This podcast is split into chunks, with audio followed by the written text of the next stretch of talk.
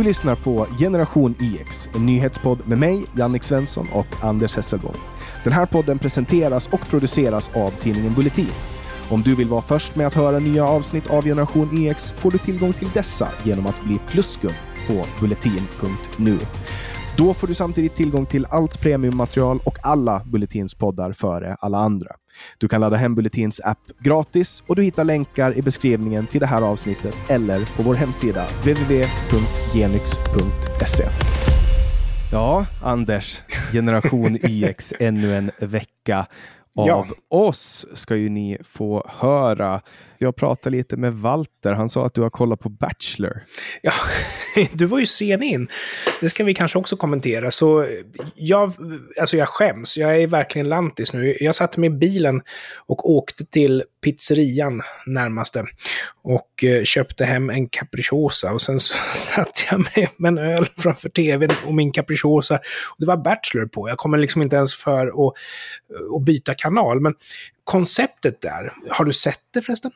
Alltså, jag jobbade på en kontor i Stockholm förut, mm. för några år sedan, där, där det var en, eh, en kollega som, som var med i den där grejen. För tittarna så kan jag berätta att i det här fallet så är det en kille. Och så är det massor med tjejer. Så tävlar tjejerna om att få killen. Killen, han är ju så jäkla smickrad märkte jag. För varenda gång som han var med en tjej så tyckte han att åh, vi har ett special connection, bla bla bla.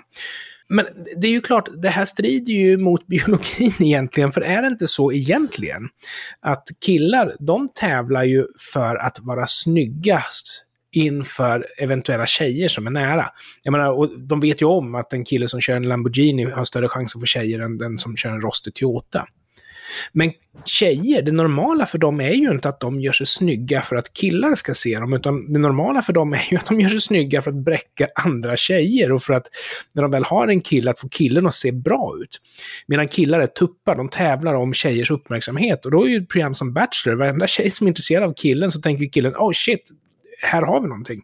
Som sagt, det där strider ju mot eh, all, all förnuft skulle jag säga. Men en annan grej är ju det här att eh, han hade pussat en tjej. Och då tycker en annan tjej att han har varit otrogen. Och alltså, tänker man efter, är inte en puss ett tecken på affektion? Men det är ju också hela konceptet med programmet. Alltså, jag skulle inte vara så förtjust i att Mia sprang iväg och, alltså min fru, sprang iväg och pussades med andra killar. Men å andra sidan, det är ju premissen för programmet, men jag skulle nog betrakta det som att någonting är det som inte stämmer här. Men nej, jag får inte konceptet att gå ihop. Ja, men alltså det, konceptet är ju egentligen ganska enkelt. Det här mm. handlar om, om att skapa en setting för att skapa drama. Människor tycker om att kolla på andra människors drama. Människor ja. det. Sen finns det ju folk som gillar att vara inblandade i dramat också. Ja. Uh, men det där, är, det där är alltså underhållning för människor som inte har så mycket annat att göra, tänker jag. Ja, Alltså, jag kände det att man var intellektuellt svältfödd efter att ha tittat på det, men man sugs in. Så av den anledningen så tror jag ju att du har rätt. Att det går nog att sälja tvättmedel och dambinder på att visa det här programmet, för tillräckligt många tycker att ja, men det här är bra skit. Liksom. Mm. Jag kollar ju aldrig på tv, jag läser ju böcker istället, men, men jag har på något sätt ändå förstår jag grunden i det här. Folk vill kolla på, det är ju samma med Paradise mm. Hotel, det handlar också om att skapa drama, samma med Big Brother. Det handlar mm. om att skapa drama. Så det, det, det, förstår, jag förstår dem. Ja, jag, jag har ju varit helt oskuld när det gäller sådana här program fram till nu då, men jag förstår det också. Jag förstår det ganska direkt att man sugs in. Liksom. Det är ungefär som när man jobbar som konsult och har hotellkoma så går Baywatch på tv. Man sitter och tittar på Baywatch, man är så trött efter arbetsdagen så man är bara glad att det är någonting som är lite färgglatt som spelas upp framför ögonen på en. Liksom. Mm. Har du hört om de finska kukbilarna? du, jag har hört om Honda Fitta, men jag har inte hört om de finska mm. kukbilarna. Kommer vi behöva pipa här? Nej, det nej, får du bara nej, lyssna alltså det, mm. det är så här, Honda Fitta, det är en ganska bra historia. De, de bestämde någonstans eh, på något centralkontor att Honda Fitta, det var the thing liksom. Men sen mm. när, när den skandinaviska avdelningen fick nys om om det fick de byta namn till Honda Jazz. Det var det näst bästa de hade. Det var faktiskt så att de bytte namn till Honda Fit. Men då var skadan redan skedd så det förde tankarna till Fitta och därför bytte de namn igen till Jazz. Ja, förlåt att jag avbröt. Ja, de finska kukbilarna, det är alltså i Finland så hade då blivit sig så att om någon anledning så, så får, de har haft, de har liksom spärrat ordet kuk från när man ska registrera sin bil. Men men nu har någonting hänt, så nu har de släppt det igen, så nu har det börjat komma kukbilar överallt. Och, det är klart och, att alla vill ha en kukbil. Det är alltså registreringsplåten vi pratar om här. Jag skulle lätt, jag skulle lätt eh, ha en sån om jag fick, men eh, Terhia de Uusitalo har kvitterat ut sin nya tjänstebil och fick en BMW med kukplåtar.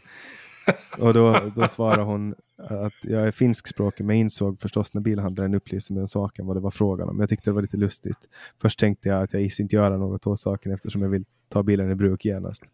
Men sen då så konstaterar hon att hon har grannar som är svensktalare. Att, att det kanske inte är så trevligt att se det varje dag. Eh, så alltså, hon har valt att byta bort det jag kan bli förvånad åt andra hållet. Jag har ju sett eh, Transportstyrelsens lista över förbjudna trebokstavskombinationer. Jag kan ju tycka att den är extrem åt andra hållet. Att, alltså ursäkta, jag har katter som springer här och de har bjällror på sig. Som ni undrar vad det är som plingar och knakar och brakar så är det djur överallt här. Eh, nej men jag är förvånad över att det är så många till synes oskyldiga kombinationer som är förbjudna helt enkelt i Sverige. Mycket, mycket märkligt. Jag har här faktiskt en, en lista.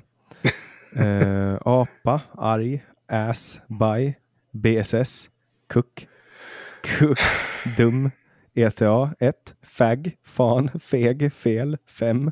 Fes, fet. Fan vad folk är känsliga. Ful, gam, gay. Alla varianter av gay. Hat, HBT, hor, hot, KGB,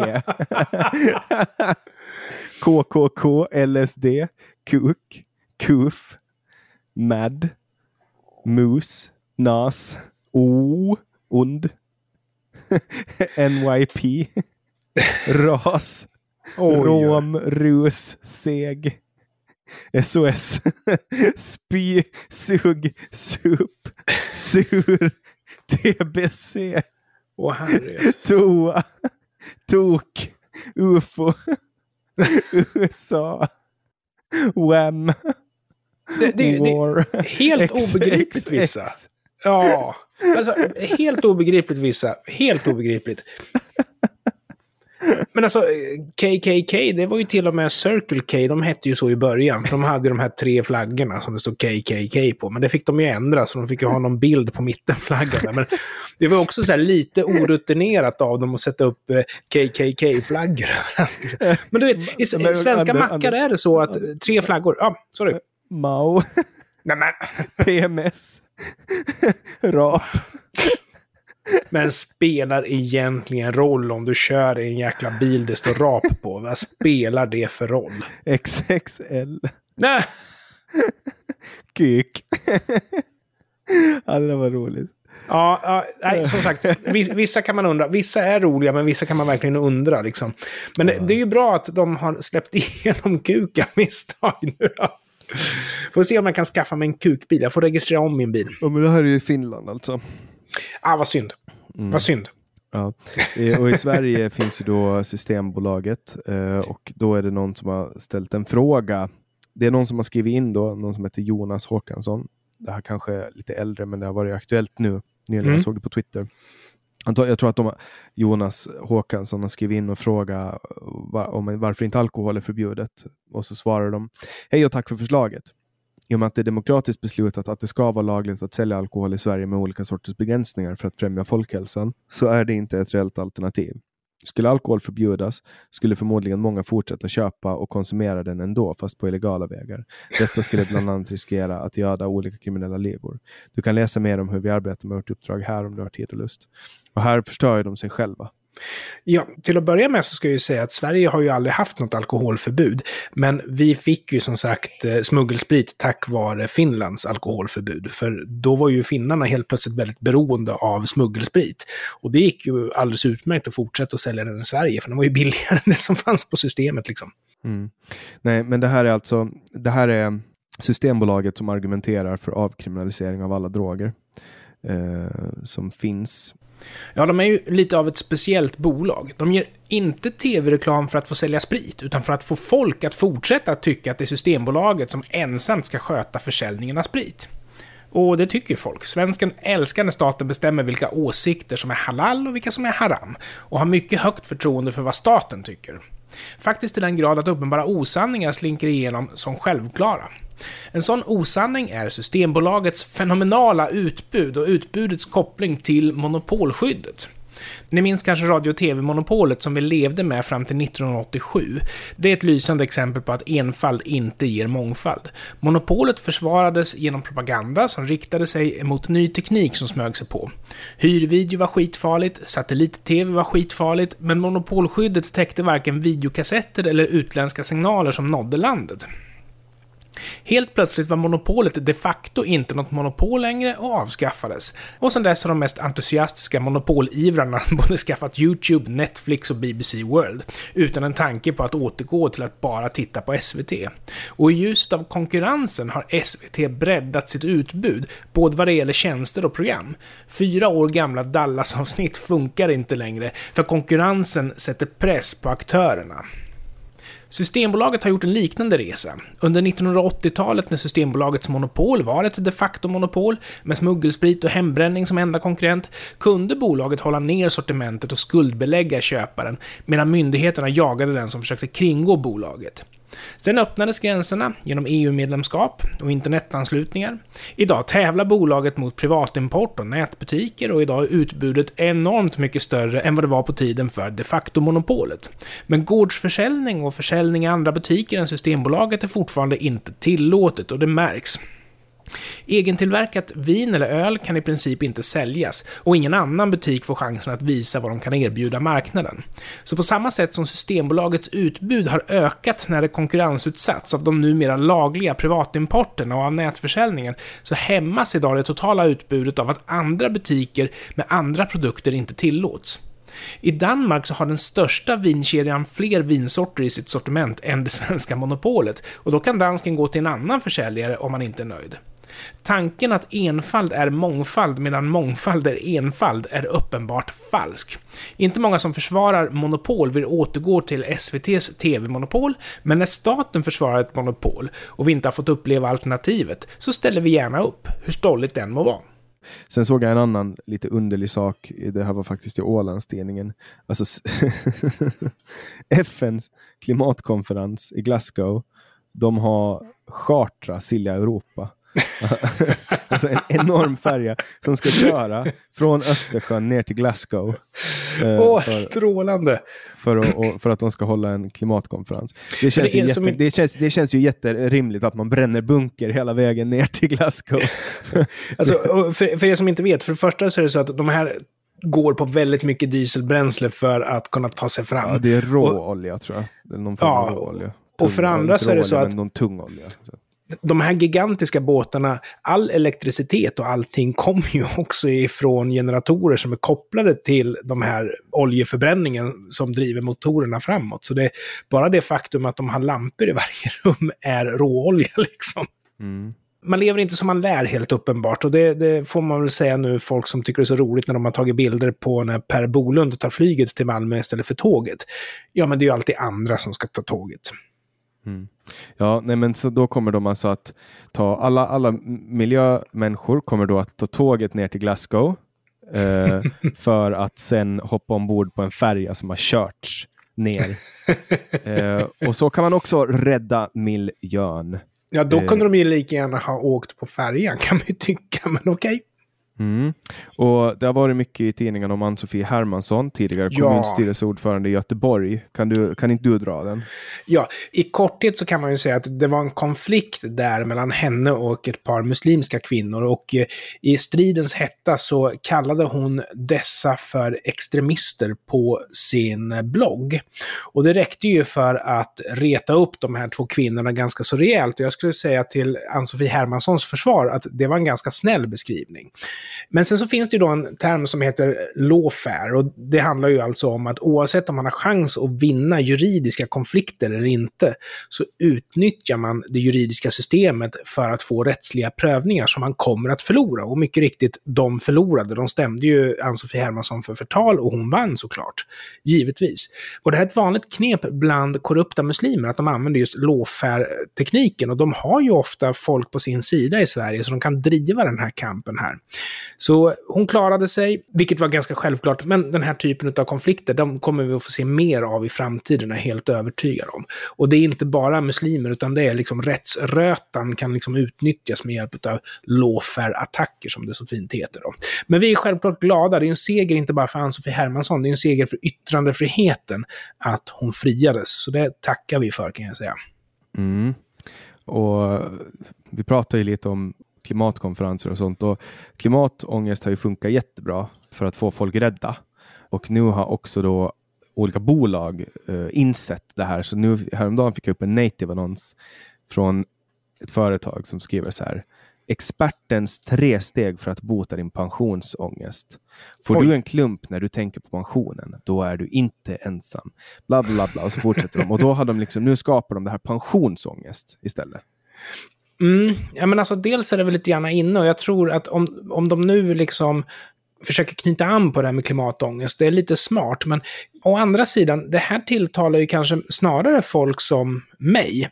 Jag är ju så pass gammal så att jag börjar se realistiska siffror för min pension. Jag är så pass realistiskt sinnad att jag förstår att den inte kommer bli lysande trots att jag började jobba tidigt. Men jag tror å andra sidan, men det här med domedagsprofetier, det går inte hem hos samma typ av människor som är oroliga för sin pension. Det är ett målgruppsproblem med den marknadsföringen, men smart. Ja, men man kan ju alltid försöka i alla fall. Uh, skam till den som ger sig. Och jag tänker så här, du vet, det har ju hänt ganska mycket saker i mitt liv och jag har ganska mm. mycket att göra, så jag behöver liksom rusa vidare ganska snabbt. Så vi får göra ett ganska kort avsnitt idag, men jag tänker att du kan väl göra det du, kan väl göra det du är bäst om, ranta lite om Svenska kyrkan. Uh, så säger vi hej då sen. Det har ju nyss varit val till kyrkofullmäktige, så grattis Alternativ för Sverige till eh, tre platser tror jag det var de fick.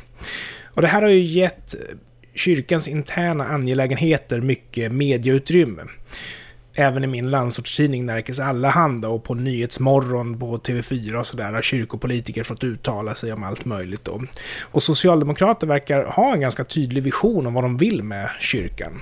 Förmågan att kunna kommunicera sina ideal är så sällsynt i riksdagspolitiken så man får vara tacksam över att kyrkans män så gladligen diskuterar sina interna angelägenheter inför öppen ridå. Och då var det då en socialdemokrat i Nyhetsmorgon som fick svara på frågan om varför Svenska kyrkan tappar medlemmar. Och han nämnde två ting. Det ena det var tidsandan. Föräldrar för inte över sin tro på sina barn i lika hög utsträckning längre. Till skillnad från till exempel islam som går i arv från generation till generation så finns det ingen föreställning om genetik inom kristendomen. Föräldrarna måste antingen ge bort sitt barn till sin gud, till exempel genom dopet, eller sälja in sin religion till barnet med barnens bibel, kyrkans barntimmar, söndagsskola, alfakurser och konfirmationsundervisningar. Och helst även då med hjälp av grundskolan. Och det är ju då det andra, att det är för lite kristendomsundervisning i skolan. Skolan ska alltså helst vara Svenska kyrkans rekryteringsavdelnings nyttiga idioter och metoden ska vara kristendomsundervisning. Vad tycker föräldrar som bekänner sig till sekulärhumanismen om detta tro? Hur känner muslimska föräldrar inför det här? Kristendomen är såklart en väldigt viktig komponent i förklaringen till vilka vi är, men det är också viktigt att förstå sekulärhumanismen och dess roll.